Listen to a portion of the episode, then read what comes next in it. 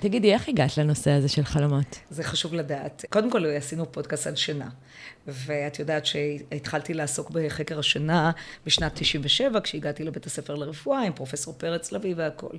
וכשהתחלתי לחקור את השינה, ודיברתי על טיפוסי שינה, ועשינו על זה פודקאסט מאוד מעניין, אז אנשים אמרו לי, תגידי, יש חלק בשינה מאוד חשוב שאת לא מדברת עליו שנקרא חלומות. אז פה, בגילוי נאות, אני חייבת להגיד שלא עשיתי מחקרים על חלומות, אבל התחלתי להתעניין מבחינה ככה תיאורטית והכול, והתחלתי לקרוא המון ולהיות בהרצאות, ולעשות את הכל, ולאט לאט בניתי הרצאה, שבהתחלה הייתה מיועדת לסטודנטים שלי בכלל, בקורס שנקרא חלימה ושינה בבית הספר לעבודה סוציאלית, אבל היום היא באמת משווקת גם לקהל הרחב. ופשוט גיליתי עולם תוכן מרתק. עכשיו, למה האתגר היה גדול? כי תמיד שינה זה עניין מדעי. ואנשים תמיד רוצים לשמוע על שינה, ולקרוא, ולדעת איך לישון יותר טוב, ולקבל כלים התנהגותיים ופסיכולוגיה. חלומות זה וחלומות מיסטיקה. וחלומות זה מיסטיקה. כן. ותמיד, איך ראיתי את זה, דנה? כשהייתי מפרסמת הרצאה על שינה, אז הקהל שהיה מגיע, אני תמיד מסתכלת מי אופי הקהל שמגיע להרצאות שלי. אז זה תמיד היה גברים ונשים, בגילאים שונים, אנשים אינטלקטואלים והכול. קטע של החלומות היה קטע מדהים בהתחלה, הגיעו רק נשים. שאולי נדבר על זה עוד מעט, והגיעו אנשים שתמיד האמינו יותר בפרשנות של חלומות והכל, ואז אמרתי להם, אני חושבת שאתם לא הגעתם להרצאה הנכונה. כי הצורך שלי והשליחות שלי, כמו כל שליחות להנגיש ידע, זה לעסוק בקטע המדעי של החלומות. ואת תשמעי היום איזה דברים ואילו דברים הגענו אליהם בתחום הזה, ואפילו מחקר אחד שכן בצורה של כסטטיסטיקאית הייתי שותפה לו.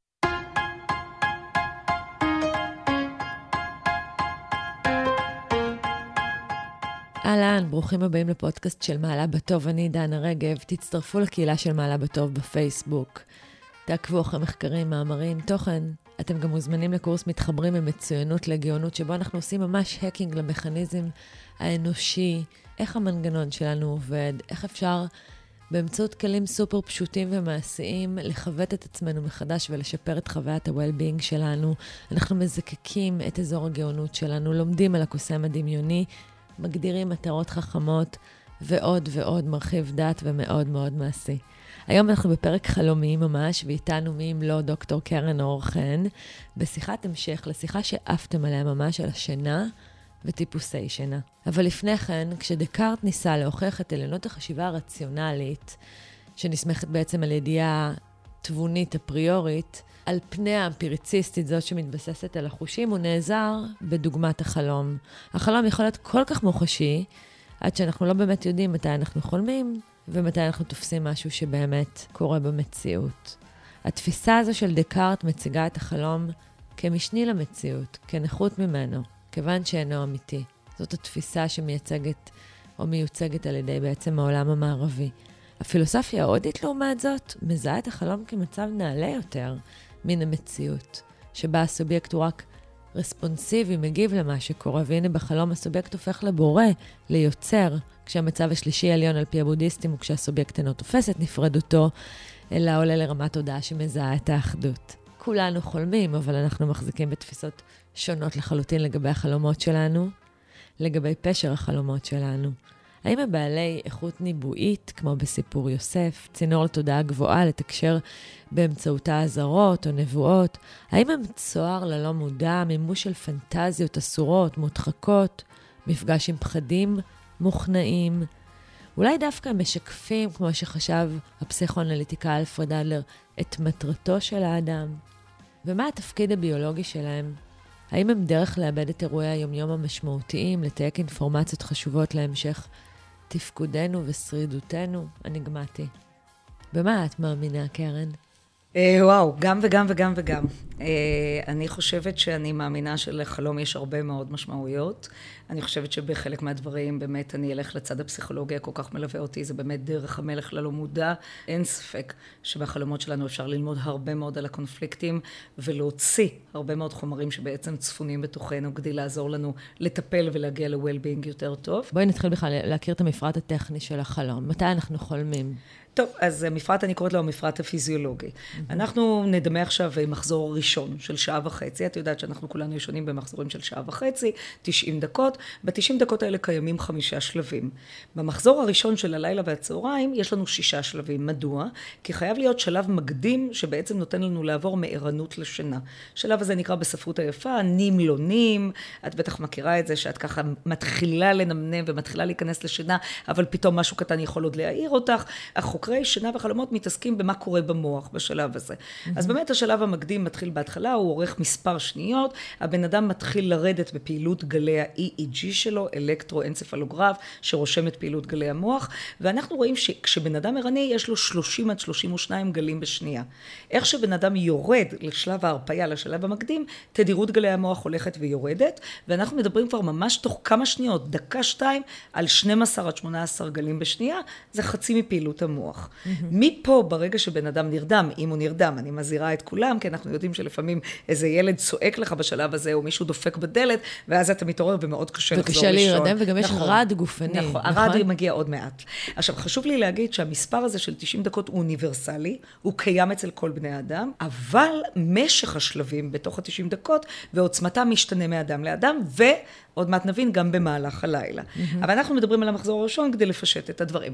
מיד אחרי כמה דקות אנחנו נכנסים לשלב הראשון, גלי אלפא, ואז אנחנו מגיעים לשלב השני. בשלב השני, דרך אגב, זה בערך 7-8 דקות מהרגע שנרדם, אנחנו מדברים באמת על רעד. מה זה הרעד הזה? זה לא חלום, אנחנו נדבר אחרי זה על חלומות, על נפילות. זה מין, אה, את יודעת, אנשים שנוהגים יבינו את זה מצוין. כשאתה נוהג ברכב עם הילוכים, יש לך ניוטרל, ואז אתה מכניס את האוטו לניוטרל, הוא רועד, ואז אתה כאילו מכניס אותו להילוך. אותו דבר מתרחש בשלב הזה. הגוף מכין את עצמו לקראת השלבים החשובים שבאים עכשיו, שנקראים השינה העמוקה, ואז בשלב השני אתה רואה קפיצות בגלים, הגוף זז, ואז הוא מכניס את עצמו למצב יותר עמוק ונכנס לשינה העמוקה. Mm-hmm. אז הרעד הזה עוזר לנו להיכנס לשלבים של השינה העמוקה. אז אנחנו מדברים על מקדים 1-2, ואז בדרך כלל, אנחנו אחרי 10 דקות נכנסים לשלבים של השינה העמוקה. שלבים של השינה העמוקה הם שני שלבים בתוך מחזור השינה, הם נקראים השלב השלישי והרביעי. שאלה שלבים שאין בהם חלימה, אם אני מבינה אין בהם חלימה בכלל, למרות שהיום אנחנו יודעים שאולי יש בהם קצת חלימה, אבל זה לא האישו. שם גלי ה-EEG הם אחד עד שניים לשנייה. האדם כמעט מת מבחינה המוח העליון, אבל גזע המוח מאוד פועל. כל התהליכים הפיזיולוגיים, חידוש תאי הזיכרון, כל הדברים האלה מתרחשים בשלבים האלה. אנשים שלא נכנסים אליהם משמינים בממוצע חמישה קילו בשנה, כי המטאבוליזם, כל הוויסות חום גוף, כל הדברים האלה מתרחשים בשלבים האלה. וואו. ואם אתה סובל מחרדות... זאת אומרת, זה ריסטארט מערכתי, לגמרי טוטל ריסטארט. מהותי. כן. האדם ששומע אותנו היום יכול לבחון את עצמו, ואם הוא יקץ מכל רעש, הוא לא נכנס לשנה עמוקה. זאת אומרת, זה כבר מתחיל להדאיג אותי. שיושב בן אדם במיטה ואיזה צליל של מטריה, או צליל של וילון, או צליל של ילד לידו מזיז מרפק והוא מתעורר, זה סימן מאוד לא חיובי. השלבים 1, 2, 3, 4, כולל השלב המקדים, במחזור הראשון של הלילה, אורכים 30 עד 45 דקות בממוצע. אצל רובנו. ואז קורה דבר מדהים. הם מתחילים לחזור מהסוף להתחלה. 4, 3, 2, 1. אחרי 60 עד 90 דקות, בפעם הראשונה, בלילה, במחזור הראשון, אנחנו נכנסים לשלב החמישי של השינה, שנקרא שנת רם, שעוד מעט אני ארחיב עליו, והוא בעצם שנת החלומות המרכזית. אז זאת אומרת שבעצם דבר חשוב שצריך להבין, שכולנו, השאלה מתי, יש כאלה שייכנסו במחזור הראשון אחרי 60 דקות, יש כאלה אחרי 70 דקות, יש כמו בכדורגל בדקה ה-90. במחזור הראשון, סך הכל, מקסימום, שנת הרם אורך חצי שעה. ואז... שזה ה-Rapid Eye Movement, נכון? R.E.M. הלהקה, נכון, זה על שם... נכון, דרך אגב, יום אחד סטודנטית אמרה לי, יש להקה כזו? אמרתי, זה כמובן על שם התנועות עיניים מהירות. חשוב להגיד דבר מאוד חשוב, אפשר לראות את זה מאוד יפה על בעלי חיים. כל עוד הכלב והחתול, נגיד הביתיים, נמצאים בארבעת השלבים הראשונים, הם ישנים מקומרים. איך שהם נכנסים לשנת החלומות, הם מתחילים לעשות תנועות בגפיים ובכל האיברים שלהם, ואז אנחנו בעצם מבינים ורואים את העיניים שלהם זזות. כמובן שגם רואים את זה על בני אדם, אבל אתה פחות ער לזה כשאתה ישן לידם, ואז אנחנו מגיעים לשלב החמישי. עכשיו, לפני שנכריז ונגיד שהוא שלב החלומות, וכמה משמעותי להבין שכל מחזור שינה, אנחנו בעצם נכנסים אליו, שם אין פלטות, שם נכנסים כל פעם, גם אנשים חרדתיים ולא חרדתיים, אני אגיד שיש בשלב הזה כמה דברים מעניינים חוץ מהחלומות. קודם כל, תנועות עיניים מהירות. דבר שני, המוח בשיא הפעילות שלו. זאת אומרת, בשנת רם, חלק מאיתנו יותר ערניים במוח מאשר בזמן ערנות. אם בזמן ערנות אמרתי קודם שתדירות גלי ה-EEG היא 30 עד 32 בשנייה, יש כאלה שבשנת רם מגיעים ל-35 גלים בשנייה. וואו. זאת אומרת, המוח בשיא הפעילות, דם זורם לכל האיברים, הקורטקס העליון, ויש לזה השלכות מאוד גדולות, נדבר עליהן אחר כך, פעיל בצורה בלתי רגילה. היית מצפה שהבן אדם יהיה ערני? לא. מש... משותק מהותית, לחלוטין, זאת אומרת, השרירים לא יכולים לזוז. השרירים לא יכולים לזוז, כן. אדם בשנת הרם, ולכן, איך קוראים לשנת הרם? השינה הפרדוקסלית. מצד אחד המוח בשיא הפעילות, מצד שני הגוף בשיתוק מוחלט, זה השלב, ככה התעניינתי בחלומות. התחלתי לחקור את זה כי זה השלב הכי מרתק בחיים שלנו. אתה ישן, אתה לא מודע, אבל המוח משתולל, הוא בשיא הפעילות. וכמובן נגיע לענייננו, 87% מהאנשים בממוצע במהלך העולם המערבי במהלך 30 שנה האחרונות, שהעירו אותם בזמן שנת רם, מדווחים שברגע הזה הם חלמו חלום. ולכן הגיעו למסקנה שרוב החלומות מתרכזים באותו שלב חמישי. דרך אגב, אני אגלה סוד כבר מקדים, במהלך הלילה המשך של השלבים מאוד משתנה. במחזור השני והשלישי, דווקא השלבים של השינה העמוקה מתארכים, וכל השלבים האחרים מתקצרים. Mm. זה דרך אגב הסיבה שגנבים... זאת אומרת, מדברת על השמורות, נגיד. נכון. Okay. אוקיי. כשגנבים נכנסים בלילה בין שלוש לחמש בבוקר, הם אנשים מאוד חכמים. הם יודעים מה הם, הם עושים. הם יודעים מה הם עושים. אז הם, שם אנחנו יותר, אנחנו בעיקר בשנות, בשנות עמוקות. נכון, ואז אתה לא תשמע כמעט שום דבר ולא תוכל להתעורר. אבל מהמחזור הרביעי, אז תחשבי, נגיד הלכת לישון ב-12 בלילה, זאת אומרת, מחזור רביעי אנחנו מדברים מ-4 וחצי בבוקר ומעלה, אז מהמחזור הרביעי והלאה, שנת הרם מתארכת, ואז אם יש סיכוי לפעמים שבכלל נזכור חלום, זה החלום האחרון, שאנחנו מתעוררים איתו בבוקר, כי אנחנו נמצאים בשנת רם. Mm-hmm. כי שנת הרם הולכת ותופסת שעה מתוך השעה וחצי מהמחזור הרביעי mm-hmm. ומעלה. אז שימי לב אפילו במהלך הלילה כמה שינויים חלים בדברים האלה. כל מחזור שינה מונה כשעה וחצי או שעה וחצי, ויש לו מספר שלבים. תמיד. תמיד, חמישה שלבים. אלא אם כן יש איזו בעיה שבגללה אנשים מדלגים על שלבים. נכון. אבל מה שאת אומרת, משך הזמן של כל שלב משתנה לפי השל, שלב השינה שלנו, מצב ממש. השינה, שעת השינה שלנו בלילה. נכון. האם זה המחזור הראשון שלנו או המחזור השלישי שלנו? נכון, okay. אוקיי. נכון, ובמחזור הרביעי יש סיכוי כמובן שגם נזכור יותר טוב חלומות. Mm-hmm. כולנו נכנסים לשנת רם ולא פעם אחת בלילה, המון פעמים בלילה. ואז הגיע כל הזמן המיתוס, קודם כל לשבור את המיתוס שאני לא חולם. אין דבר כזה שבן אדם לא חולם. כולנו חולמים. ההבדל המעניין שיעסיק אותנו עכשיו, זה למה חלק מהאנשים זוכרים את החלומות וחלק לא זוכרים את החלומות.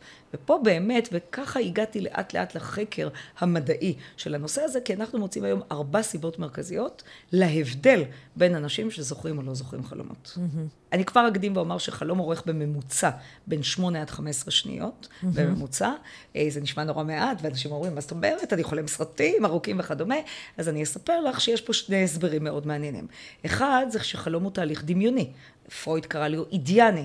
אין לו חוקיות של לוגיות, של זמן, של מרחב, הוא נהדר חוקים כאלה. אז יכול להיות שמה שאת חולמת בכמה שניות נתפס כהרבה מאוד זמן. זה נורא מעניין, כי בחלום עצמו אתה מרגיש שהכל מאוד קוהרנטי, רגע אחר כך שאתה קם, נניח בוא. שזכרת, אתה מנסה לשחזר את זה או לדבר את זה, ואתה לא, על זה. ואתה לא מצליח. נכון, אתה לא מצליח, ולפעמים טוב שאתה לא מצליח, מיד נדבר על זה. מה שכן חשוב להגיד, בגלל שאמרנו שלקראת הבוקר, לאט לאט המחזורים מכילים חלק הרבה יותר משמעותי של שנת הרם, יש סיכוי שנחלום הרבה מאוד אפיזודות קצרות של חלום, שהן נעשות בקונסולידציה, בעצם מתגבשות לכדי חלום יותר ארוך, ואז באמת החלום נתפס גם כארוך יותר. אבל חלום בממוצע בין 8 ל-15 שניות בלבד. דרך אגב, הזכרת משהו לגבי הזיכרון, אני לא יכולה להתאפק, אבל בבוקר לפעמים אנשים קמים, וחלום טיבו, זיכרון חלום, טיבו כזיכרון קצר טווח, 15 שניות בממוצע. אז הרבה פעמים, אם את מתחילה לצחצח שיניים וחושבת על דברים מסוימים, פתאום החלום נעלם. ממש. אבל הוא לא נעלם ללא מודע. הוא הרבה פעמים נעלם לרמה שנקראת טרום מודע, פרה מודע, או הסמוך למודע, יש לזה פרה-קונשסנס, מלא שמות. עכשיו, למה, איך אנחנו יודעים את זה? כי הרבה פעמים את לא זוכרת את החלום בבוקר, אבל פתאום קורה משהו במהלך היום, ואת אומרת, אה, חלמתי על זה בלילה. ואז אנחנו בעצם מבינים שיש דברים שאנחנו יכולים כן להעלות, וזה כמובן עלייה ישירה ולא עלייה עקיפה, שאנחנו נדרשים לה בלא מודע, שהיא כבר דורשת בדרך כלל טיפול mm-hmm. פסיכולוגי. יש לו תפקיד ביולוגי לפני שאנחנו נכנסים לאלמנטים הפסיכולוגיים? אומרים שכן, אומרים שכן, למרות שאני חייבת לציין שהתפקיד הביולוגי היותר משמעותי דווקא של השלבים של השינה העמוקה, יש לו תפקיד פסיכולוגי. את יודעת שאם גוזלים מבן אדם שנת רם, בעבר במעבדות לחקר השינה עשו ניסויים נוראים בבני אדם, היו מעירים אותם כל פעם בשנת רם. ואז נתנו לאנשים לישון שינה רצופה. כל השנה הייתה שנת רם. אז התפקיד של שנת הרם הרבה יותר מתפקיד ביולוגי, הוא תפקיד פסיכולוגי. זה פיצוי פסיכולוגי. הקטע הביולוגי הרבה יותר שייך לשלבים השנה של השנה העמוקה. Mm-hmm. ואז בעצם מה שקורה כשבן אדם לא ישן טוב והוא חרדתי, ויש לו בעיה בשלבים של השנה העמוקה, ואיכות השינה שלו גרועה, והתפקוד שלו לא טוב, וזה פוגע בכל פרמטר אפשרי, תוסיפי לזה גם בעיות בשנת הרם, אז יש פה גם מחירים, גם ביולוגיים וגם פסיכולוגיים מאוד משמעותיים. Mm-hmm. שינה היא כוח. וכל שלב בה מסמל כוח אחר והכרחי. אז בואי נלך ללמה חלקנו זוכרים יותר ואחרים פחות. אני אעשה את זה בצורה קוהרנטית, כמו שאת יודעת שאני אוהבת לעשות. אנחנו נגדיר ארבע סיבות, אני אתייחס לכל אחת מהן בנפרד. סיבה הראשונה לא תפתיע אף אחד, אבל היא בעיניי המשמעותית ביותר, בטח כפסיכולוגית, זה נקרא מנגנוני הגנה. ואנחנו מדברים על שני מנגנוני הגנה שמקשים עלינו זיכרון חלומות, וכשאני אומרת מקשים זה לא בצורה שלילית. לעתים זה מציל את חיינו. המנגנון הראשון, לא יפתיע אותך, נקרא הדחקה. repression. אנחנו לא זוכרים, כי אנחנו לא תמיד צריכים לזכור. גם לא רוצים לזכור, חלק מהחלומות שלנו. תשאלי אותי, קרן, זה רק תכנים שליליים? אני אגיד, לא. מה שמאיים עלינו. את יודעת, אני בת לניצולי שואה, אבל ההורים שלי היו צעירים במלחמה, אני אדבר על הסבים והסבתות שלי. אני גדלתי בבית עם שני סבים וסבתות מאוד שונים אחד מהשני. הסבי וסבתי מצד אבא היו אנשים שהדחיקו את כל הזיכרונות שלהם מהמלחמה. ויש קבוצה גדולה כזאת שלא דיברו, שלא זכרו, שלא... עשו הכל בשביל להדחיק את הכל.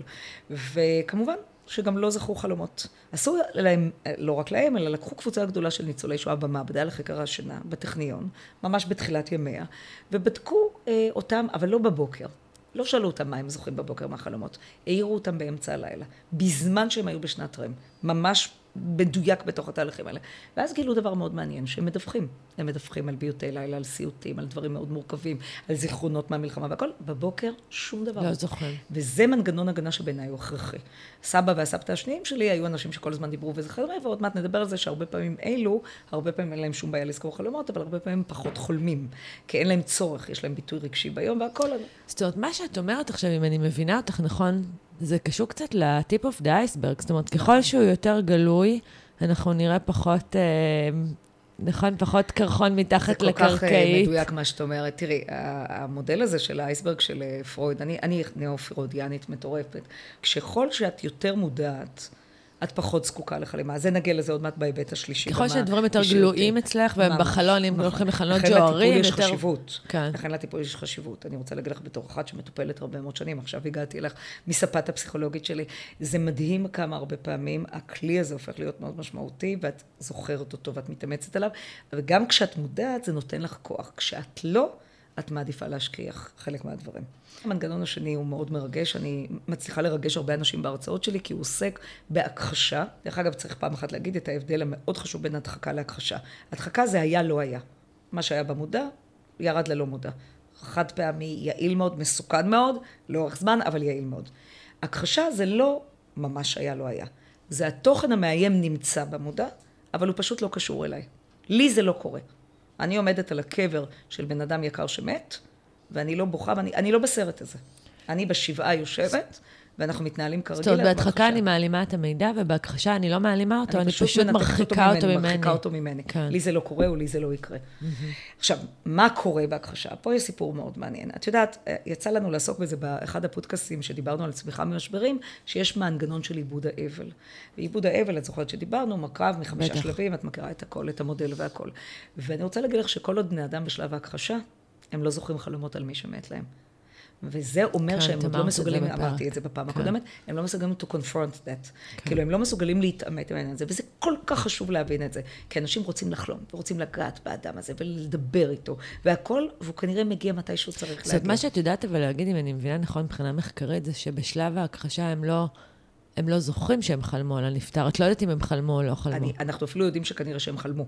אה, אוקיי. אוקיי, יש כבר אפילו... כי בדיוק, כי ממה שאת מתארת, אם, אנחנו, אם, אם זה דרך בשבילי לאבד את הדברים שאני מדחיקה... נכון, אבל כן. אני לא זוכרת את זה. כן. עכשיו, אני אגיד את זה משהו מאוד חיובי. כל מי שמקשיב לנו עכשיו ויודע, ואומר, אני זוכר חלומות על המת, אני נוגע בו, אני מדבר איתו והכל, לנו הפסיכולוגים זה אירוע מאוד משמח. זה אומר שאנשים האלה נמצאים... שהוא עבר לפייס יותר, יותר מודע. עכשיו, את זוכרת ששאלת אותי כמה זמן זה הכחשה? הכחשה יכולה לקחת יום, והכחשה יכול לקחת 50 שנה. יש לי סטודנטית בת 82, מקסימה, שאחיה נהרג במבצע קדש ב-1956 במלחמת סיני, והפעם הראשונה שהיא זכרה חלום עליו היה ב-2004. הנושא הזה של מנגנוני הגנה הוא לא בכדי, וצריך לתת לו מקום, ולכן עוד פעם אני חוזרת, אני מצטערת שהיום אני כמו תקליט, שלא להאיץ תהליכים קדם זמנם. Mm-hmm. אז זו הסיבה הראשונה, הפסיכולוגית, גרידה, ללמה בני אדם זוכרים או לא זוכרים חלומות, הם מערבים שימוש במנגנוני הגנה. Mm-hmm. הסיבה השנייה היא סיבה תרבותית. שלישית כבר אנחנו... לא, זה המנגנוני הגנה, אני מכניסה אותם באחד, okay. ככה אוקיי. קל לי לזכור את זה. טוב. הסיבה השנייה, זה הייתה, נקרא לה הסיבה הפסיכולוגית, אבל הפסיכולוגית אנחנו קוראים מנגנוני הגנה, כי תהיה עוד סיבה פסיכולוגית. הסיבה השנייה היא סיבה תרבותית חברתית, מרתקת בעיניי, שאומרת שבעצם, אני אגיד את זה הכי פשוט שיש, חלק מאיתנו לא זוכרים חלומות, כי זה לא מעניין אותנו, וזה תלוי בתרבות ובסביבה שבה כן, גדלנו. זאת אומרת, אם אני בפרדיגמה שלי בכלל לא מאמינה שיש משמעות לחלומות, אז אני, למה שאני אזכור אותם? זה. מנוגד למטרה עכשיו שלי. שימי, את שואלת אותי איך הגעתי לחלומות, אז אני תמיד נדבקת בתור סטטיסטיקאית למחקרים, זה מחקר שנעשה אצלנו באוניברסיטת חיפה. הדרוזים זוכרים הכי טוב חלומות בארץ. כן. למה? כי הם מאמינים שגלגול הנשמות מתרחש בזמן החלום. כאילו, כשבן אדם מת, אז אנחנו לא מאוד נהיה עצובים, כי בן אדם אחר נולד במקום אחר, ודברים כאלה עולים בתכנים של החלומות שלהם, okay. אוקיי. באופן מאוד משמעותי. Mm-hmm. לגבי היהודים, קורה פה משהו מאוד מעניין. שלוש עדות ספרדיות, יש להם את הזיכרון הסטטיסטי הגבוה ביותר של חלומות. מרוקאים, טוניסאים ועיראקים. למה? כי הם באים בבוקר לסבתא הגדולה. שמפרשת להם את כל החלומות. את יודעת איזה תרבות עצומה יש בה, אני קוראת לזה אצל הספרדים. אז כשאתה יודע שיש לזה משמעות, כמו שאמרת קודם, אתה הרבה יותר זוכר את החלומות, כי אתה רוצה מחר לבוא לסבתא ולספר לה ושהיא תיתן לך איזשהו פירוש על הדברים האלה. כן. כמובן צריך להגיד סבתא או סבא או כל דמות אחרת. אבל את אומרת, הפרדיגמה התפיסתית שלי, האמונה שלי, תשפיע מן הסתם. לגמרי. את יודעת שיש שבט במלזיה, מלזיה היא מדינה מוסלמית. יש שבט במלזיה, נקרא שבט הסני, והוא אה, בבוקר קם ומספרים את החלומות, אני בטוחה שזה גם באפריקה קורה הרבה מאוד וזה, ואז כל היום מתנהל לפי מה שקרה במהלך החלום. עכשיו, אני רוצה להצחיק אותך, אבל באמת, זה, זה אמיתי. אני טוענת שנים שגם תכני החלומות וגם הפירוש של חלומות הם תלויי תרבות וסביבה. כי למשל ניקח את הדוגמה שבה דיברתי. אצל הספרדים, יש דבר כזה שאם אתה חולם על מישהו מת בחלום, אצלם זה דווקא סמל לאריכות ימים. Mm-hmm. אצלנו האשכנזים, לא נעים לי להגיד, זה מת מת והלוואי שתמות. עכשיו, כמובן שאני סתם אומרת את זה בבדיחות, אבל מה אני בעצם רומזת? שפשוט הפרשנות היא גם שונה לחלוטין, וגם התכנים הם שונים זאת לחלוטין. לא הבנתי, אם- אם אשכנזים חולמים על אה, מת, אז מה הם אז חושבים? אני אגיד, הם מתים שהוא ימות. אני אומרת את זה כמובן אה, בצחוק. אם אתה חולם על מישהו חי שהוא נפטר. שהוא מת. ואצל הספרדים, ואם אתה חולם- אם אתה חולם על? מישהו שחי שהוא מת, זה. סמל אריכות ימים. אני לא ידעתי את חשבתי זה. שאת מדברת כן. על נפטרים. לא, לא, לא, לא, לא. אוקיי. לא, לא, לא. זאת אומרת, אם אתה... אוקיי, זה ממש הפוך. אני, כשהתחלתי כן. לחקור את הנושא של החלומות, הלכתי ופשוט בצורה פשוטה פניתי לאנשים מעדויות ותרבויות שונות, והתחלתי לחקור את העניין כן. הזה. אני רוצה לספר לך על זה סיפור, קוריוז שאני מספרת בכל ההרצאות שלי. יום אחד מגיעה אליי סטודנטית שלי, קווקזית. עכשיו, קווקזים הם ספרדים. הם מאוד מאמינים בפירוש של חלומות. ואז מגיעה אליי סטודנטית אחות, סטודנטית שלמדה אצלי בבית ספר לאחיות, ואומרת לי, קרן, תקשיבי טוב, אני חייבת לדבר איתך, חייבת לדבר איתך, זה היה לפני שנים. אני כבר, אני ממש בחרדה, ואת חייבת לעזור לי, את מומחית לחלומות. אני כבר שלושה שבועות חולמת שחמותי הולכת למות. אמרתי לגברת יקרה, כל הנשים בעולם חולמות שהחמות שלהם הולכת למות, אחרת איפה יהיו הפנטזיות שלנו? עכשיו, לא כולם צוחקים מזה, כי יש כאלה שאומרות, החמות שלי מקסימה, אני אומרת, נדבר על זה בהרצאה אחרת. אבל הבחורה באה, וממש בחרדה, וגם באמונה שלהם, היא כאילו הולכת להרוג את חמותה, ואולי זה פנטזיה, אבל את יודעת וכדומה. עכשיו, אני סיפרתי לה איזה בדיחה, לא ניכנס עכשיו לבדיחה, צחקתי, התבדחתי, רגע, אבל בוא נגיע לעיקר. שבועיים אחרי זה חמותה מתה. אוי ואבוי. או, עכשיו אנחנו נכנסים לסרט חדש, שהזכרת אותו בתחילת הפודקאסט. האם חלומות יכולים להתגשם? האם יש חלומות נבואים? הזכרת את יוסף, את הכל. עכשיו אני אגיד לך, דנה, את יודעת, כשאמרתי את זה בטלוויזיה לפני כמה שבועות, אנשים מאוד כעסו עליי. אמרו לי, מה פתאום? חלומות שלי התגשמו. אמרתי, הכל נהדר. אבל המדע לא מצליח למצוא חיזוק אמפירי לנושא הזה, וטוען שמדובר בצירוף מקרים. כן. דרך אגב, אני אגיד לך משהו אישי שלי, אני כבר חולמת הרבה זמן שאני זוכה בלוטו, ועוד לא זכיתי. אוקיי? אמרו לי, אולי תמלאי כרטיס, זה יעזור לך בהיטב. עכשיו, רגע. יש פה נקודה פסיכולוגית שצריך להעמיק בה. אנחנו יודעים שקיימים חלומות נבואיים, אנחנו מעריכים אותם, תסתכלי, הנושא של יוסף הוא מרתק. אני חייבת להגיד לך שככל שהעמקתי יותר בחקר החלומות, הלכתי לקבלה, הלכתי לנושא של הזה, אנחנו מזהים את זה. אבל אנחנו אומרים צירוף מקרים. אבל, זה הפסיכולוגיה מסכימה בריש גלי. מספיק שפעם אחת חלמת חלום והוא התגשם, אנשים מתחילים להאמין אמונה כל כך משמעותית בחלומות, שפה אנחנו נכנסים לנישה בפסיכולוגיה ששמה משאלה שמגשימה את עצמה. והרבה אנשים כל כך מייצרים אמונה, שהרבה פעמים רואים את הדרך ולעיתים אפילו מנתבים אותה. באופן לא מודע, mm. שזה דבר מדהים. אז כשמישהי אומרת לי, חלמתי שתהיה... כמו, את אומרת, זה כמו פלצבו. לגמרי. בגדול. לגמרי. זה לא משנה אם זה נכון או לא נכון, ממש, זה עובד. ממש. כן.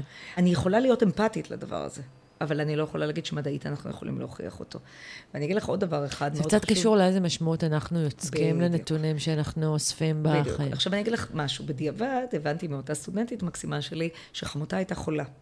ואז הרבה פעמים כשאדם קרוב לנו חולה, דרך אגב, היא מאוד אהבה את חמותה. כן. אז כשאדם קרוב לנו חולה, מן הסתם ייתכן שאנחנו נחלום כן. שהוא ימות, ויכול להיות זאת שזה אומרת, יש כאן. עוד פרטים של מידע שהם משמעותיים ממש, מאוד להבנת. ממש ומאוד חשוב. כן, סיבה שלישית, כן. אישיותית. עכשיו אנחנו נכנסים לאישיות. דיברנו על חברה, דיברנו על תרבות, דיברנו על מנגנוני הגנה. עכשיו אנחנו מדברים על משהו, והמשהו הזה מאוד מאוד העסיק אותי, משום שהוא משלב בין שני עולמות התוכן שלי. קבלת החלטות ושינה. ופה אנחנו מזהים משהו מאוד מעניין במעבדה לחקר השינה. את יודעת, אני אעשה לך עכשיו את זה בצורה פשוטה. אנחנו מזהים על קו הרצף נושא של עירוב רגש בקבלת החלטות. את יודעת, אני עוסקת בזה הרבה, את יודעת שזה תחום העיסוק המרכזי שלי, האם אדם הוא רציונלי, האם אדם הוא לא רציונלי, איך קבלת ההחלטות שלו מערבת רגש, אני כבר שנים אומרת שרגש זה לא לא רציונלי, יש כן. לי איזה הרבה תיאוריות, את מכירה שוב, בפעם הבאה, הרביעית, אנחנו ניפגש לעניין הזה. אבל כשאנחנו מחלקים אנשים, אנחנו יכולים למדוד אותם על קו רצף, בין, אני אדבר על שני הכתבים ברשותך, קוטב של אדם שנקרא repressor, דוחק. הוא אדם רציונלי, שיש לו רגש, אבל הוא לא מרשה לרגש להתערב בקבלת ההחלטות שלו. ובקצה השני, אדם מאוד אמוציונלי, שכמעט כל קבלת ההחלטות שלו היא רגש.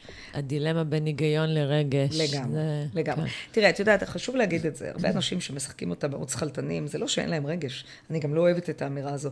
באופן מדעי אנחנו רואים, ועוד מעט תראי מה מצאנו בשינה. אין החלטה שזה- שהיא רציונלית, את זה אבל אנחנו הם יודעים. מתהדרים במשקל המאוד משמעותי כן. לנושא הרציונלי, שגם על זה אפשר להתווכח, אבל בהתאם. דרך אגב, מי שאמרה לי באחת ההרצאות בשבוע שעבר, זה גברים. אמרתי, ממש לא. יש כל כך הרבה נשים שהן הרבה יותר רציונליות. להפך, נשים מרגישות הרבה פעמים שהן חייבות להיות יותר שכלתניות ורציונליות. בכלל כולנו חושבים, אגב, שאנחנו יותר רציונליים ממה שאנחנו בפועל, נכון? לגמרי. כן. והקצה השני הוא כמובן האמוציונלי. עכשיו זה שוס. מה מצאו במעבדה לחקר שינה? דרך אגב, זה לא מחקר שלנו, זה מחקר שנעשה בארצות הברית, התחיל בשנות ה-70. מצאו שאנשים יותר רציונליים, יש להם עד פי 20 זמן רם בשינה. זאת אומרת, פה וואו. אי אפשר להתווכח עם המדע. אתה נותן להם לישון באופן חופשי, אתה לא מנווט להם את איכות השינה, ואתה רואה פשוט עד פי 20. לא תגידי פי 2. זאת אומרת שהם זקוקים לזמן רם. אם אנחנו רואים שכולנו מקבלים החלטות באופן לא רציונלי, לא, ובכל זאת, זה קו רצף. ובכל זאת יש כאן רצף, בדיוק, אז איך את יודעת למדוד רציונליות? כי יש לנו שאלונים, אנחנו חותכים את זה באופן דיכוטומי, ולוקחים את הרבעון הראשון והרבעון האחרון. את יודעת, אנחנו יודעים היום לחלק את האנשים האלה. אנחנו מעבירים, יש ציון רציף, ומה שאנחנו עושים בדרך כלל מבחינה סטטיסטית, זה לוקחים את הכתבים. אבל הם חולמים הרבה יותר, אבל הם לא זוכרים את החלומות שלהם. Mm. זאת אומרת, יש פה קורלציה כפולה. ולעומת זאת, אנשים רגשיים, שמבטאים רגש ביום, יש להם פחות זמן רם, הם לא זקוקים לפיצוי פסיכולוגי בשינה. אז מה הם מרוויחים בשינה שלהם? הם מרוויחים הרבה דברים אחרים, הם נכנסים יותר לשינה עמוקה. במובן מסוים, אנשים רגשיים שאין להם בעיות של חרדה, ישנים יותר טוב. וזה גם משפיע על התפקוד שלהם. תראי כמה אבסורד זה. בסוף את אומרת, איך שלא מסתכלים על זה, ככל שאנחנו יותר. מציפים, וזה נמצא בחוץ, ובאור השמש, וגלוי.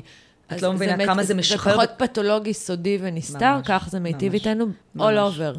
אני השבוע כן. כתבתי, אני, את עוקבת אחריי, אז בטח ראית בפייסבוק, כתבתי פוסט על הנושא של להסתיר חרדות. והגיע הזמן לדברר את החרדות שלנו ולהגיד, את לא מבינה איזה קורלציה יש לזה. לשינה טובה יותר, ובעיקר גם לכל הדברים האלה. אנחנו פחות זקוקים לקביים. עצם זה שבן אדם זקוק לפי 20 זמן רם בשינה, זה אומר כמה הרבה פעמים, והוא לא זוכר את החלומות שלו, כמה הקביים האלה משמעותיות. אז תראי כמה זה מעניין, ופה זה מדעי לחלוטין. כשאתה בודק EEG ואתה רואה באמת שבן אדם נמצא פי 4 או פי 5 יותר מאשר אדם אחר, זה מדהים. והסיבה הרביעית, זה מכלול סיבות, דמוגרפיות. לא תתפלאי לשמוע, אבל צריך להגיד אותם בריש גלי. נשים זוכרות יותר טוב חלומות מגברים. זה יותר מעניין אותם. את יודעת, אישה באה בבוקר לחברה שלה, אומרת, אוי אוי אוי, חלמתי בלילה, כל הדברים. אנשים בגיל מבוגר זוכרים יותר טוב חלומות. יש לזה הרבה הסברים, יש להם גם יותר פניות, הם פחות מוגנים.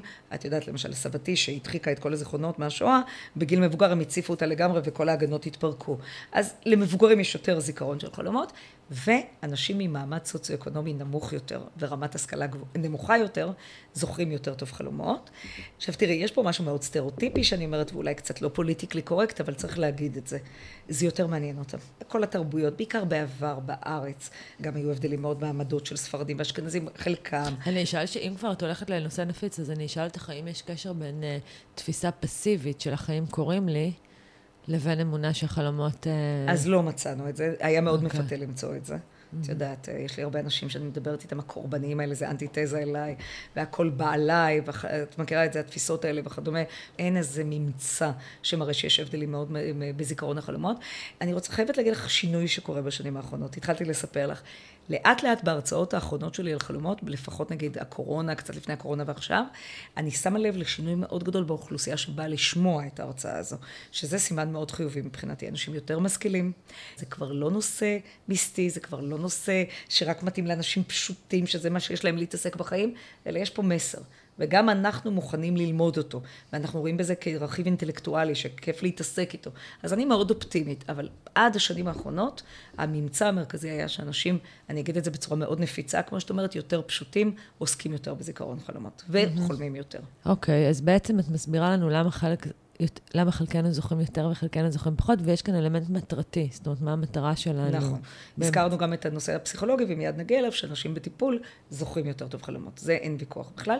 ואני חייבת גם להגיד, יש תקופות. הריון היא תקופת חרדה, אין אישה שלא זוכרת חלומות, נוראים, שהילד שלה יצא, עקום, פגום וכדומה. יש לנו המון תקופות בחיים שידועות כתקופות פרון יותר לזיכרון של חלומות. Mm. דרך אגב, אני תמיד מרשה לעצמי לצחוק שיש הבדל נורא גדול בין סוגי החלומות, כי כשאת מתעוררת באמצע חלום נורא וסיוט באמצע הלילה, את אומרת, זה רק חלום, זה רק חלום, זה רק חלום. כשאת מתעוררת באמצע פנטזיה מדהימה, ואת הולכת לשירותים, את חוזרת, ואת מכריחה את עצמך להיכנס בדיוק לאותה נקודה, שבה בעצם את אה, רוצה לחזור. אני רוצה שתיישבי לי את הסתירה. כשאני ישנה שנ"צ, זה לא קורה הרבה, אבל כשזה קורה זה סופר קצר, אני יכולה לחלום. מעולה, הגיע אז, הזמן אז... לדבר על זה, אמרנו שנדבר על זה. אז היום אנחנו יודעים, את זוכרת שאמרתי בהתחלה, שאנחנו חולמים לא רק בשנת REM. תודה לאל שאת שואלת את זה. היום אנחנו יודעים שגם בשלבים הראשונים של השינה, אפילו בעשר דקות, אם את עושה power nap של עשר דקות, בדיוק. את תחלמי, ואפילו תזכרי לעיתים את החלום, כי את מתעוררת בתוכו. יש לנו מידיעה שגם בשלבים ראשונים, וכולל בשינה עמוקה, יש לנו חלומות, עדיין, עדיין, עדיין, החלומות הכי חיוניים, הכי משמעותיים, קוראים... עם המרשות, הם קורים בשנת רם. כן. אנחנו היום יודעים את זה מעבר כן. כל ספק, אבל אמרת משהו מאוד מעניין. אין שם שנת רם. תלוי, מה מלא, יש כאלה שישנים שנת שעה וחצי לא, אני מדברת על עשר דקות רבע שעה, זה... יש לנו חלומות מאוד מזה, אבל אנחנו קרובים יותר למודעות, השינה יותר קלה. אוקיי.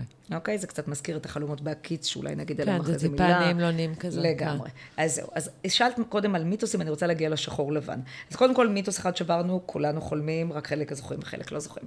דבר שני מאוד משמעותי, כמה זמן עורך חלום, זה לא שעות, מדובר בכמה שניות. לגבי השחור לבן והצבעים, אני חייבת לספר לך, יש על זה ויכוח מאוד גדול במדע. מבחינה פיזיולוגית, הרצפטורים היחידים שמעוררים בזמן שנת רם, הרי זה שלב שאנחנו רואים אותו, המוח בשיא הפעילות, זה רצפטורים שנקראים אכרומטיים. הרי בעצם הקורטקס העליון פעיל, וכן יש מעבר של מידע לעצב הראייה והכל, ואנחנו רואים שברוב המעבר זה מרצפטורים שבעצם נקראים שחור לבן, mm. אכרומטיים.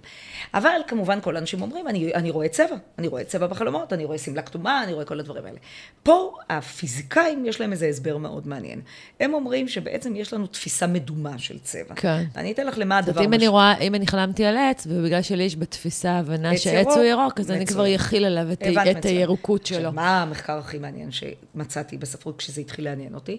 על עיוורים מלידה, כן. לעומת אנשים שהתעברו במהלך החיים, ואנחנו רואים שיש הבדלים מאוד גדולים בתפיסת הצבע, וזה מחדד את מה שאת אומרת עכשיו, שתפיסת הצ... הצבע היא בעצם מדומה. זה כמו תנועה מדומה שנעשית בשלטי פרסומות, עם, את יודעת, אור נדלק, אור נחמד. זה כבר אנחנו משלמים עם הזיכרון שלנו, וזה לא קורה אובייקטיבית. משהו חריג, אם את תראי פתאום עץ כחול, אז זה יראה לך מאוד חריג ומאוד ביזארי, ואת תזכרי את זה, כי זה יהיה משהו מאוד משמעותי בתוך החלומות.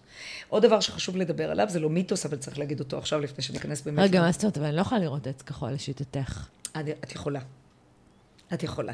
כי לעיתים תפיסת הדמיון שלך תלך למקומות אחרים. העץ הכחול הזה יסמל משהו. Okay. את אוקיי. לא סתם הלבשת אותו בצבע כחול. למרות שאני לא אראה אותו בכחול. את תראי אותו בשחור כחול. לבן, את תצקי, את אמורה לצעוק את הצבע הירוק של התפיסה הנייטיביסטית okay. כן. הבסיסית, ואת בעצם תראי את זה בכחול, ואז זה ייחשב כמאוד ביזארי okay. אוקיי. בתוך התהליכים. לגבי שיתוק שינה, מאוד חשוב לדבר על זה פעם אחת וגם להפריך משהו מאוד חשוב. יש אנשים שמתעוררים שם, נכון? אבל זה, זה מה זה, היום הבנת למה. כי בבוקר אנחנו כנראה נמצאים בשנת רם. הרי שעה מתוך השעה כן. וחצי. ואז מה שקורה, את מתעוררת בשנת רם והגוף עוד משותק. הפער בין מה שקורה במוח מבחינה פיזיולוגית שהוא מאוד ערני, ואת מתעוררת בקלילות, אבל הגוף עוד משותק. וזה נקרא שיתוק שינה, ואז אנשים עושים את הטעות הכי גדולה. הם כל כך נלחצים מהשיתוק הזה, והם מתחילים להילחם בו ולהתחיל לזוז, אבל הגוף לא יזוז. הוא נמצא עדיין בשנת רם. אז הנה, אני רוצה לאתגר אותך. בדיוק אתמול בעלי הרעיר אותי באמצע חלום, ולא הייתי משותקת. אוקיי, אז קודם כל אני לא יודעת באיזה שלב היית, צריך לבדוק את זה במעבדה כן. ולראות את כל הדברים, ויכול להיות שברגע שהתעוררת עברו כמה שניות והגוף רפה. זה לוקח באופן שונה, אינדיבידואלית. זה יכול להיות כאילו חלקיק שנייה כזה? לגמרי, אוקיי. לגמרי. אבל מה אני עושה כשאני מרגישה כן את השיתוק שינה, וזה אני ממליצה לכל המאזינים.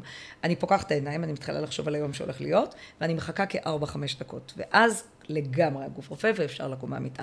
תילחמי בזה, הוא ינעל את עצמו עוד יותר ואת לא תוכלי לקום. וזה כמובן מאוד מלחיץ וזה מגביר, את יודעת, כמו כל דבר זה הופך להיות חרדה של הישנות בתוך התהליכים האלה. עכשיו אני רוצה להגיד לך משהו על זה מאוד. למה הגוף שלנו בשיתוק? אה, זו שאלה מאוד חשובה. כי המוח שלנו הוא הכי חכם בעולם. הוא מחזיק את הגוף בשיתוק כדי שלא נזוז כל הזמן בזמן החלומות. תארי לך שתחלמי כל יום שאת זזה ותפלי כל יום מהמיטה. את תהיי מאושפזת בבית חולים כל יום. כן, זהו, אז זה- הגוף זה- שלנו מוחזק בצורה חזקה. כדי שלא נעשה דברים בעצם, בדיוק. כשאנחנו לא ערים שלא ולא נפגע מודעים בעצמנו לזה. פיזית, כן. באופן משמעותי, וזה הצלת נפשות. כי את לא מבינה מה היה קורה אם לא היה שיתוק מוטורי בגוף. ועוד דבר קטן, לפני שאנחנו נכנסות לדבר הפסיכולוגי והמעניין והסיוטים והכל, זה הנושא של, אה, פרויד כבר דיבר על זה, בשנת 1900, אנחנו מכניסים גירויים חיצוניים לתוך החלומות שלנו. יש שעון מעורר, ואת ממשיכה לחלום עליו. מישהו מווסת אה, את זה, כן. המזגן. וזה, כן. אני אספר לך סיפור מעניין, יש לי סטודנטית שחלמה שהיא שחרזדה באלף לילה ולילה, ויש לה איזה חתול כזה, ש... ויש לה, סליחה, תרבוש על הראש, והתעוררה, החתול שלה נרדם לה על הראש. ויש אה, סיפור מאוד ידוע בספרי פסיכולוגיה על בחור שחלם שהוא נמצא בזמן המהפכה הצרפתית, והוא עומד, הגיליוטינה עומדת לרדת לו על הראש, והוא התעורר והקרע של המיטה נשבר. אז תמיד שאלו, ופרויד ענה על זה מאוד יפה, למה גירויים חיצוניים אנחנו מכניסים לתוך החלומות שלנו? והוא אמר, כמו שכל הפסיכולוגים אומרים, כדי לשמור על שינה רציפה. אם את תתעוררי מכל גירוי חיצוני, זה מאוד יפגע ברצף השינה ובתפקוד החשוב של מחזורי השינה. אז אני מוצאת את עצמי חולמת על כל מיני דברים שקורים במהלך ליד החדר שלי, וזה נהדר. בתוך התהליכים, ולצערי הרב, כשדיברנו בפעם הקודמת על שימוש בטלוויזיה והירדמות עם טלוויזיה, את זוכרת בשינה, כן. זה מאוד מסוכן. כי התכנים מתוך הטלוויזיה נכנסים לתוך החלומות שלנו, והם כבר עושים לא טוב. הם משבשים, הם יוצרים איכות שינה לא טובה, הם נכנסים, יש הרבה תכנים לא טובים, את יודעת, של מין, של אלימות, של כל הדברים האלה, ולכן מאוד חשוב להימנע בכלל אצל ילדים. לייצר בקרדינה. היגיינת שינה. ולגמרי, כדי להרגיע את השינה וליצור שינה רציפה. עכשיו, תשאלי אותי באמת על הקרקע. האדם עצמו הוא המפרש הטוב ביותר של החלומות שלו. אני לא יכולה לפרש את החלומות שלך, דנה, ואת גם לא יכולה לפרש לגמרי את החלומות שלי. שזה נכון לגבי כל דבר בחיים, הזיכרונות כן, שלנו. אבל את יודעת, אני רוצה לספר לך פעם, אנחנו כבר, את צעירה ממני, אבל את יודעת, אנחנו מספיק מבוגרות, הייתה תוכנית בגלי צה"ל, קראו לה ציפורי לילה. ובימי שלישי היה בחור נחמד שקראו לו יובב. ואנשים היו שולחים לו פקס עם החלומות שלהם, והוא היה מפרש להם את החלומות. עושים את זה מדי פעם בתוכניות בוקר, כל מיני תוכניות של פאנלים כאלה וכדומה. לי זה מאוד מפריע. אני אגיד לך למה. כי אני חושבת שהאדם צריך להכיר אדם לפני שהוא מפרש את החלומות שלו. עכשיו תראי, נכון, עוד מעט נדבר על זה שיש כל מיני סמלים, שכל מיני דברים. הרי גם פרויד דיבר על כל מיני סמלים בספר פירוש החל... פשר החלומות, שספר מעניין בפני עצמו. קודם כל, כשאתה קורא את הספר הזה, אתה אומר, טוב, פרויד אמר שכל אבל מיני... אלה כבר הוכחת לנו בשיחה הקצרה הזאת שאפשר למצוא מקרא שהוא הפוך לחלוטין לגמרי. ב-180 מעלות. לכן, יש שני אנשים בעולם שמפרשים הכי טוב את החלומות. זה האדם עצמו והפסיכולוג שלך. כי כשאתה נמצא בטיפול ארוך טווח, והפסיכולוג מכיר את מתווה קווי האישיות שלך, הוא יכול לצקת את תכני החלומות ולהתאים אותם ולשקף לך מראה שלעיתים אתה לא רואה. עכשיו, מה קורה הרבה פעמים? באה חברה אומרת, אוי, אוי, את לא יודעת, לא חלמתי בלילה, ואז היא מספרת לחברה, החברה מוציאה, במיוחד אם זו חברה שמאמינה בפירוש חלומות, היא מוציאה את כל הדברים. אז פה צריך להבין שצריך נורא ברגישות לגעת בפירוש חלומות. יש פירושים, יש סמלים. דרך אגב, מחקר פיזיולוגי די מרסק שיצא לאחרונה, קצת מרסק את פרויד. כי את יודעת, אנחנו היום יודעים במוח, אנחנו יודעים איזה אזור אחראי על היווצרות סמלים. יש אזור שנקרא אזור מספר 17 בקליפה השלישונית, בקורטקס העליון. עכשיו, מסתבר שלא זורם אליו יותר דם מלאזורים אחרים בזמן שנת רם. אז פתאום זה מערער אותך, אולי לא נוצרים סמלים בזמן חלומות. רגע, אבל פרויד את כל התיאוריה שלו בדה על סמלים. אז יש היום ויכוחים בין העולם המודרני לעולם הזה. אני כן מאמינה בפרשנות, אבל בפרשנות שמתאימה לך. אז אני רוצה לעשות דוגמה למה לא ולמה כן. בסדר? בתוך התהליכים. אני לקראת הפגישה שלנו היום, וגם מדי פעם אני עושה את זה בהרצאות שלי, אני אמרתי, יש לי בבית ספרייה ענקית ויש לי 18 ספרים של פירוש חלומות. אמרתי, אם את רוצה להיות מקצע במקצוע, תקני את הספרים האלה. ישראלים הם צרכנים מטורפים. יש בסטימצקי ובצומת ספרים, אם את נכנסת, את לא מאמינה כמה ספרים של פירוש חלומות. אמרתי לקראת הפודקאסט שלנו, היום אני אוציא שני ספרים באופן רנדומלי, ואני אספר לך משהו שמופיע, אני אבחר איזה סמל, אחרי זה ככה המאזינים יוכלו לחשוב למה דווקא בחרתי בסמל הזה, ואני אספר לך מה כתוב שם, ואני אעשה את זה מהר, זה הלא. ואחר כך אני אגיד מה כן. אז לקחתי סוס. למה סוס? אני אוהבת סוסים, חיה אצילה, הבן שלי רוכב על סוסים. יש לי הרבה מה להגיד לך למה בחרתי בסוס. מה קורה כשסוס מופיע בחלום? אז אני מצטטת. ספר הראשון של דולר משנת 1986, לא מזמן. עשה הרבה דולרים מהספר הזה, ספר נקרא מילון החלומות, ספר מדהים דרך אגב. שם כתוב ככה, אם אתה רוכב על הסוס במהלך הלילה, מצפים לך נישואים ממישהו עשיר. אם אתה רוכב על הסוס ונופל ממנו, מצפות לך בעיות במעמד הכלכלי. זה דרך אגב משהו שאנחנו כן מכירים, נופל מהסוס, נכון? מבחינת כן. הדברים האלה. ואם אתה עומד ומולך בא מישהו רכוב על סוס, הוא בא לבשר לך בשורות טובות. אני אומרת, נהדר. שלפתי ספר, אחד ליד, 1987. רוברטסון וקרובט כתבו ספר מדהים שנקרא חלומות שחורים בוורוד, ושם כתוב הדבר הבא, אם אתה רוכב על הסוס במהלך הלילה, מצפה לך חוויה מינית מסעירה. לא היה כתוב אם הסוס או לא, אבל מה הקשר בין זה לבין נישואים עם מישהו עשיר? אם אתה רוכב על הסוס ונופל ממנו, מצפות לך בעיות במעמד החברתי. חברתי-כלכלי נגיד, אבל השיא, זה היה בשלישי. קודם הוא בא לבשר לך בשורות טובות, ועכשיו אם אתה למטה והוא על הסוס, הוא למעלה ואתה נחות ממנו. עכשיו אני אומרת בעברית, לך תבנה מדינה. כן. מה עושים רוב האנשים? מאמצים, כמו שאת אומרת, את הפירוש, וזה מסוכן.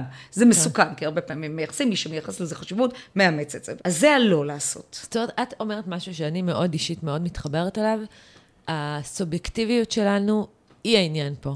ויש לנו, אנחנו יוצקים את המשמעות, לנו לגמרי. יש את הנרטיב שלנו, ולכן, וזה מאוד אגב מתחבר לתיאוריה האדלריאנית שאומרת, הוא אומר את זה גם על נכון. זיכרונות ילדות מוקדמים, הוא אומר בסופו של דבר האדם הוא מטרתי, וגם הזיכרונות שהוא בוחר לזכור, הם זיכרונות שהם... את כל כך צודקת. הם, הם בעצם אבני המסד לאסטרטגיית החיים שלו.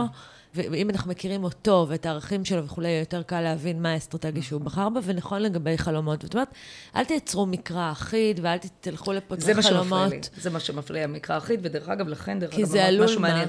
כי זה עלול הרבה פעמים ליצור פשר או פתרון, ושאתה תחשוב, למשל, יגידו לך, אתה הולך למות. את יודעת כמה זה מלחיץ, או אתה הולך להרוויח הרבה כסף ומה תצפה וזה לא יקרה. זאת אומרת, הנבואה הזו, אם זה דברים טובים, אנחנו נאהב את זה, אם זה דברים שליליים. את יודעת, אני אה, שנים... זה, לא... זה, זה באמת קצת בעולמות המיסטיקה, נכון? זהו, אז אני רוצה לספר לך משהו. אני שנים מאוד הייתי נגד מיסטיקה, לא מסתדר לי, אפילו לא הלכתי לרופאים לא אלטרנט, אה, אלטרנטיביים. והכרתי חבר שלי מאוד טוב, נומרולוג, מאוד מוצלח. ובתקופה שהייתה לי קשה, העזתי לשאול אותו דברים. והוא נתן לי תחזית. והתחזית הייתה מדויקת, ופתאום התחלתי להאמין בנומרולוגיה. הייתה מדויקת, היא לא הייתה קלה, היא לא הייתה פשוטה והיא לא הייתה אופטימית, אבל היא הייתה מדויקת. כל דבר שהוא אמר לי פתאום קרה. את יודעת, זה טלטל את אמות ציפיים. ואמרתי לעצמי, מה קורה לי פה? אני אשת המדע, ואת יודעת, זה עכשיו התחלתי לבקש יותר ויותר את עצתו. זה קרה גם להרבה אנשי עסקים, את יודעת את זה, שמתחילים ללכת לפי אדם מסוים. אז אני לא אומרת שאי אפשר להיעזר בזה, אבל כשזה הופך להיות כל עולמך, ואתה מתחיל להאמין בזה אמונה עיוורת והכל... זה מייצר סוג של פסיביות. זה בדיוק הבעיה כן. שלי. ואז אני לרגע נעצרתי ואמרתי, רגע, רגע, אני רוצה בחזרה לשלוט על החיים שלי. כן. יש בזה מה. אה, אז אם אתה אומר שכבר ההוא יהיה חולה בסרטן וימות, אז אין גם מה לעשות בתוך כן. התהליכים. אבל אני כן רוצה להגיד מה כן. ופה אני רוצה להביא לך דוגמה מאוד ידועה מספרי פסיכולוגיה, אולי אפילו את פעם נתקלת בה, אבל היא מאוד טובה לענייננו היום, של אדם שמספר חלום לפסיכולוג שלו, ובמשך טיפול ארוך טווח, מזהה מה החלום הזה אומר לו. ופה את מדברת באמת על הנרטיב שהוא ספציפי לגביו, כן. וכמה הוא חשוב להבין כן. איזושהי בעיה, קונפליקט נקרא לזה, אנחנו הפסיכולוגים קוראים לזה קונפליקט. הרי בסופו של דבר הפסיכולוגיה מלמדת להימנע מקונפליקט. כן, היא יכולה להיות סוג של קביים להבנה סופר לגמרי. מהותית שאתה לא מבין. אז אני אספר לך את זה בקצרה, כן. וכמובן אני אעשה את זה גם מאוד מהיר, למרות שזה יכול להיות טיפול רב שנים. בחור אה, בשם יעקב, שם בדוי, לא נדבר עכשיו, זה רואה חשבון, מספר לפסיכולוגיה את החלום הבא. אני עובד במושב, יש לי בוס ג'ינג'י צולע, שצועק עליי כל פעם כשאני בטעות פותח ברז השקייה, הוא מבזבז מים שלא לצורך, ואחר כך הבוס שוכב במיטה ירוקה ונרדם. אוקיי. עכשיו, כשאני שואלת את הסטודנטים, אני עושה משהו עבירה. כי כשאני שואלת את הסטודנטים שלי מה החלום הזה אומר, הם בעצם מספרים על האסוציאציות שלהם. אבל תמיד אומרים לי ירוק, אז הצעירים אומרים דשא, שנטי, דולרים. המבוגרים אומרים מיטה בבית חולים, סדינים ירוקים בחדרי ניתוח. אה, אני מדברת על כל הדברים, אומרים לי הבוס שלו כעס עליו וזה. דרך אגב, לא העלינו פה נקודה מאוד חשובה. חלומות שלנו יכולים להיות ביטויים לפנטזיות שלנו, לחרדות שלנו, אבל הפסיכולוגיה הקוגניטיבית, למשל, כבר 40 שנה מדבררת שחלום הוא תהליך עיבוד מידע של מה שקרה לנו במהלך במהלך היום. והרבה פעמים קורים לנו אירועים, ואת בטח חווית את זה, ואני חוויתי עשרות חלומות כאלה, שמשהו קורה, או עומד לקרות, ואתה חושב עליו, וזה עולה לאיבוד המידע, ואפילו חלק נזרק לסל מחזור, וכל הדברים האלה. בדרך כלל כשאני מספרת על החלום הזה של יעקב, אומרים לי, הוא רב עם הבוס. אוקיי, עכשיו בואו נלך ליעקב. יעקב יושב אצל הפסיכולוג. הפסיכולוג אומר לו, ואני אספר את זה בקצרה. מה החלום הזה אומר לך? בהתחלה עולה זיכרון, אפרופו התיאוריה הקוגניטיבית, הוא רב עם הבוס שלו. הוא רואה חשבון, הוא עובד בחברה גדולה, הוא עשה מאזן לא תקין, בזבז הרבה מאוד כסף, הבוס כועס עליו, אבל יש בעיה, הבוס לא ג'ינג'י ולא צולע. ואז הפסיכולוג שואל אותו מי ג'ינג'י ומי צולע, ואני אעשה את זה קצר, הוא פתאום נזכר במורה למתמטיקה, ג'ינג'י. שהיה לו בבית הספר, והוא שנא אותו. הוא השפיל אותו מאוד, המורה הזה. הוא היה קורא לו ללוח ומשפיל אותו על חוסר הידיעות שלו במתמטיקה. אני רוצה להגיד לך שלפעמים אני, שאני כבר דוקטור, חולמת בלילה שלא סיימתי בגרות במתמטיקה. חוויות הנרטיב שלנו, של הילדות, מלחיצות אותי, אני מתעוררת בבהלה בתוך הדברים האלה. גם לי היו מורים משפילים, לא נעימים, הרסניים, היו לי כמה כאלה. אבל המורה למתמטיקה שלו הוא ג'ינג'י, אבל הוא לא צולע. אז מי צולע מתגלה? אחרי טיפול. מדריך בצופים, שהיה כבד גוף. אבל היה לועג לו כל פעם, המדריך היה צולע ויעקב שלנו היה כבד גוף, אבל המדריך הצולע היה כל פעם משפיל את יעקב. ומה בעניין המים? אז הוא פתאום נזכר שבגיל ארבע הוא ישב בשטיח, בבית, בסלון, וברח לו פיפי על הרצפה, ואבא שלו צרח עליו ואמר לו, מתי כבר תלמד לסגור את הברז? והוא התבייש מאוד. מה בעניין המיטה הירוקה? באותה תקופה דודתו חלתה, שכבה בבית חולים, במיטה עם זדינים ירוקים, הכלב שלו חלה, הרדימו את הכלב, שים לב איך הכל נקשר לזה, וכך מדברים, מדברים, ולאט לאט עולה צרור של אסוציאציות, שזה בעצם מה שטיפול, והאדם מעלה את זה בעצמו. עולה עוד מעט, אני אגיד לך, קוראים לצרור האסוציאציות האלה, וזה מה שהפסיכולוג צריך לתת כמראה. ורק בעניין המושב, שאל אותו הפסיכולוג, אוקיי, אחרי שהבנו הכל, מה בעניין המושב? הוא אומר, אני לא יודע, אין לי שמץ של מושג. ואז הוא פתאום נזכר, יעקב. הוא אומר, רגע, רגע, רגע. לפני שבועיים הייתי, ב... הלכתי לטייל ופגשתי ידידה שלי שלומדת פסיכולוגיה. וסיפרתי לה שאני בטיפול אצלך. והיא אמרה לי שהיית מושבניק לפני שנעשה את הפסיכולוג. ואז הפסיכולוג שואל אותו, אז תגיד לי, אולי אני כמו הבוס וכמו האבא וכמו המורה וכולם, אולי אתה חש שאני גם כועס עליך? אז הוא אומר, לא, אני לא חש שאתה כועס עליי, אבל אני חש שאתה מאוכזב ממני, שאני תקוע בהתנהגויות הילדותיות שלי ואני לא מתקדם הלאה. Mm. עכשיו נעשה את זה קצר. אז בסוף זה חלום על הפסיכולוג. גם, כן. אבל זה חלום על כן. בעיה פסיכולוגית עמוקה, שאם כן. את מכירה אותה ואת מכירה אותה, היא הרסנית. זה נקרא אצלנו במקצוע קונפליקט עם דמות סמכות. כן. עכשיו, אני מכירה הרבה אנשים כאלה, שזה גומר להם את החיים. שאף פעם, הם, אין להם מרות, המרות אף פעם לא, לא עומדת בפניהם. זה מורים, זה בצבא, זה אחר כך בעבודה, הם תמיד חייבים להיות עצמאים, הם לא מסוגלים להיות שכירים. לאורך זמן, הקונפליקט הזה מפריע לך לחיים. אתה, אם אתה לא עובד עליו ולא לומד. אתה יודע, ציות לסמכות. זה שחזור של אותו סוג של אותו pattern. סוג. תראי איזה כן. מדהים, מדהים, מחלום של כמה שניות. מה הוא מייחל לכל אותם בעלי סמכות? שימותו, כמו הדודה שלו. את יודעת, כשאנחנו אומרים להורים שלנו, הלוואי שתמותו ונבהלים מזה בילדות. אפשר לדבר על זה עוד הרבה, אבל זאת דוגמה נהדרת לכמה החלום, זה מה שפרויד אמר, דרך המלך ללא מודע. וכשקשה מאוד, איך אמרת כל הזמן? כש ה iceberg, כשהקטע של הקרחון הוא מתחיל לצאת, את יודעת איזה משמעות יש לזה בטיפול? שדברים שיוצאים בחלומות והם פתאום משקפים משהו, קונפליקטים מורכבים, שאתה לא מעז לעלות על, על השפתיים שלך, זה הישג טיפולי מאוד גדול, זו התקדמות עצומה כן. בתוך התהליכים האלה. לגבי סיוטים, רציתי לומר לך משהו, יש הבדל מאוד גדול בין סיוטים לביוטי לילה, ביוטי לילה זה סיפור שאפשר לדבר עליו עכשיו שעה שלמה. ביוטי לילה זה בכלל לא, חלום, חל... זה לא, לא חלימה. זה לא חלומה, זה לא כן. חלימה, וזה קיים אצל ילדים כן. בעיקר, וזו תופעה כן, כן. מלחיצה והכל. סיוטים, יש היום איזו תיאוריה מעניינת, אל תש... תתפסי אותי במילה המדעית שלה, כי זה רק משהו, ראיתי איזה סרט בערוץ 8, אבל שסיוט עלול להימשך כל הלילה. מה קורה? כל פעם הוא נכנס לרובד רגשי יותר עמוק. כל שעה וחצי, כשאתה נכנס לשנת הרם, הוא מעמיק את הרובד הרגשי. את יודעת, בהתחלה את חולמת על זה באופן שטחי, אחרי זה את עוד יותר עמוק ועוד יותר, מתי את מתעוררת? הרי מילי שנייה לפני שהסיוט מתרחש. את כבר לא יכולה להכיל את העומק שלו.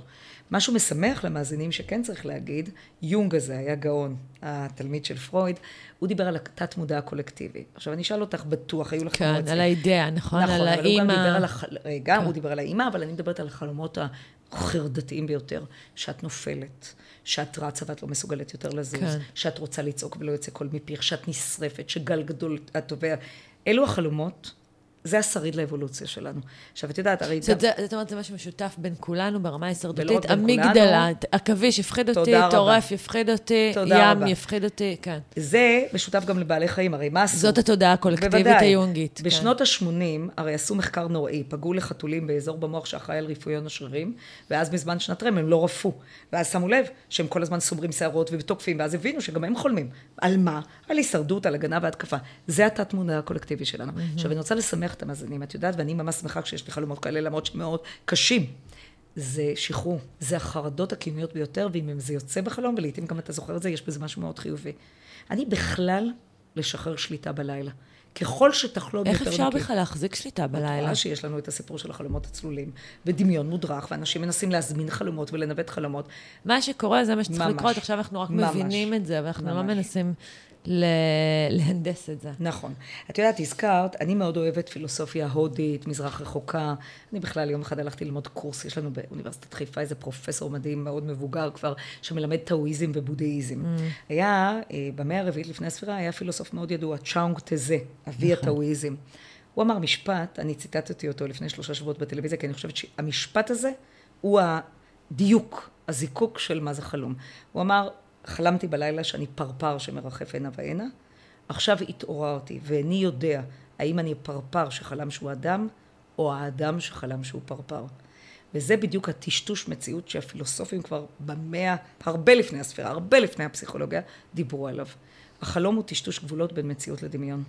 עכשיו, הטשטוש הזה, כשבן אדם חי כל היום בדמיון, אנחנו יודעים שזה פתולוגי. אבל כשבן אדם לוקח את הטשטוש גבולות האלה ויוצק אותו לתוך המציאות, ומבין מה בעצם הוא רוצה להגיד לו, זה המשהו המשמעותי. את יודעת, אפילו מבחינת הקוגניציה, מבנה הבשלות של המוח, ילדים עד גיל ארבע, הם לעולם לא ידעו שהם חלמו חלום.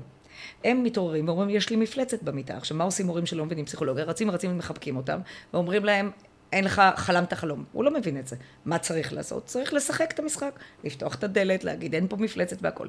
בגיל ארבע וחצי, חמש, את תשמעי פתאום את הילד אומר, חלמתי חלום. זאת אומרת, מתחילה בשלות קוגניטיבית במוח שמאפשרת את אותו זיהוי של טשטוש מציאות, ויש לזה גם חשיבות בנרטיב התפתחות שלנו. וזה קורה בלי קשר לתיווך של ההורים? זאת לא. אומרת, את אומרת שזה ברמה... ממש, אה, זה ברמה קוגניטיבית. נוירולוגית, ובשלות אה, נוירולוגית כן. גרידה בתוך התהליכים האלה. עכשיו, הנקודה המעניינת פה שאת מעלה, שהיא מאוד חשובה, שאני תמיד אומרת שכשאתה צריך להתייחס לחלום, תתייחס אליו. למשל, אם אני רואה שבתקופה האחרונה יש לי הרבה מאוד חלומות שאני גם ממש חיה אותם, ואני מעלה אותם בטיפול, זה כנראה לא סתם. ואכן, בטיפול טוב אתה והפסיכולוג ביחד יוצקים איזה מערכת שבעצם חוט שני שבעצם מתאר את כל הסימבולים האלה ומה המשמעות שלך, ואתה יכול ללמוד הרבה על עצמך. חלום היחיד בעולם, שאני אומרת ששווה התייחסות, ואולי לך לפסיכולוג לזה, זה חלום חוזר. Mm. אם למישהו מהמאזינים שלנו יש חלום שחוזר בדיוק באותו אופן, פעם בשנה, פעם בשבוע, פעם בחודש, רוצו לדבר עליו. לא סיוטים בפסיכולוג. אצל ילדים? סיוטים סיוטים שחוזרים אצל אצל ילדים ילדים? תלוי, תלוי, תלוי באיזה גיל ותלוי באיזה מצב ותלוי להבין איזה חרדות יש להם. תראה, אני חושבת למשל הסיפור הזה שהילדים המתוקים האלה שהתעללו בהם בגנים, אין לי ספק שאלו שם סיוטים וצרחות בלילה, ואז בוודאי צריך לתת על זה את הדעת. כמו שילד משחק עם בובות ואומר, ואתה לומד שהגננת אה, פוגעת בו. אבל לפעמים קצת מגזימים עם העניין הזה. רצים מדי סיוטים, צריכים שיקרו לנו. יש לנו דברים כאלה, זה חלק מההתמודדות הנפשית שלנו. והיום אמרנו משהו מאוד חשוב, שאם אדם מנסה כל הזמן להיות בשליטה ביום ובהסתרות ובכל הדברים האלה, זה איפשהו צריך לצאת. גם הפחדים הקמאים הכי גדולים שלך. אבל כל עוד זה לא פתולוגי וזה לא מעיב. את יודעת, באחת הפגישות, נדמה לי הראשונה שלנו, אמרנו משפט מאוד חשוב, שאני מצטטת אותו בכל ההרצאות שלי. כולנו שרוטים, אבל ברגע שהשריטה הזאת פוגעת בתפקוד שלנו, צריך ללכת לטפל בה. כן. וזה בדיוק הקו רצף זה הפער הזה. שבין הנורמטיביות לנוירוזה. לגמרי, כן. לגמרי. הנוירוזה היא יכולה להיות מתועלת למקומות עד שהיא מתחילה כבר להיות לא נחמדה. כן. וחלק מהסיפור הזה שאת מדברת על קיום של זיכרון חלומות מאוד לא טוב, שהולך ונשנה, בעצם זורק לך איזה זרקור, אדון, גברת נחמדה, לא, אני לא ישר שולחת לפסיכולוג. לך דבר על זה. לך תשחרר את זה. רוצה לראות שזה מפריע לתפקוד שלנו במעגלי חיים. לגמרי. אני כן רוצה להגיד עוד משהו ככה לפני סיום, אנחנו זה לגבי תרבות ותכנים של חלומות. תראי, אנחנו בארץ חווים אה, מחקרים קשים מאוד שמראים שיש עלייה מאוד גדולה במספרי החלומות ובאחוזים של חלומות רעים, של חלומות על טרור, על מוות וחרדה. אחרי צוק איתן עשינו מחקר מאוד גדול, קבוצה גדולה מאוד של חוקרים מהאוניברסיטה, מבית הספר לעבודה סוציאלית בחיפה, עשינו מחקר על אה, חלומות של ילדים בעוטף עזה. ומצאנו שיש להם פי שלושים. יותר חלומות על טרור, על חרדה, על מוות, על סיוטים. זה, את רואה, זה משהו שאי אפשר להתעלם ממנו. זאת תבנית, דרך אגב, בעבר זה היה בקריית שמונה. זאת אומרת, הסביבה שבה אתה נמצא, הקונטקסט מאוד משפיע על זה. עכשיו, על זה נעשו הרבה מאוד מחקרים, אנתרופולוגים. למשל, באפריקה המשבנית, גילו שאף אחד לא חולם על עירום. בטח שלא חולם על עירום, כי כולם הולכים שם ערומים. אז זה לא טאבו. אבל בחברה המערבית שלא הולכים ערומים, יכול להיות שמישהו יבוא לך ערום באמצע הלילה, אפרופו באיזה צבעים. אוי, זה ממש מצחיק. אז איך הם מפנטזים באפריקה המשמנית? לגמרי, לגמרי. את יודעת, באפריקה השמינית. דרך אגב, שם היה כתוב באחד המחקרים, שהם חולמים הרבה, החרדה הכי גדולה שלהם זה עדר פרות שרודף אחריהם בתוך התהליכים. אז בעצם כדאי לסכם ולהגיד שגם לתכנים של החלומות, כן. וגם לפרשנות. יש קשר להיגיון הסובייקטיבי וגם להיגיון הכללי. בדיוק. זה חשוב. בדיוק, כן. זה המסר המרכזי כן. בתוך התהליכים. וואו, קרן, איזה חלום, וזה גם עובר בי אף איתך. איזה כיף, הדדי מאוד, דנה. כיף לי להיות פה. אז... ולעיתים חלומות מתגשמים, ניסינו, ניסינו, ובסוף זה מתגשם. אולי זה, ועם זה צריך באמת לסיים. אז תודה גדולה גדולה על באמת לך. השקעה פעם שלישית, משמעותית. ועכשיו בנימה אישית, בפרקי הפודקאסט האלה מושקע זמן, מחשבה, משאבים רבים בניסיון לזקק ערך משמעותי, לאפשר למידה, הגמשת תודעה וכלים מעשיים. החיוויים שלכם, השיתופים שלכם, הפצת פרקים והמלצות ברשתות חברתיות, ההודעות המרגשות שלכם על תמורות אמיתיות בחייכם, כל אלה הם שכר משמעותי עבורי. ואני מודה לכם מקרב לב. ניפגש כאן שוב בעוד שבועיים, ובינתיים תעלו בטוב, ושבוע טוב.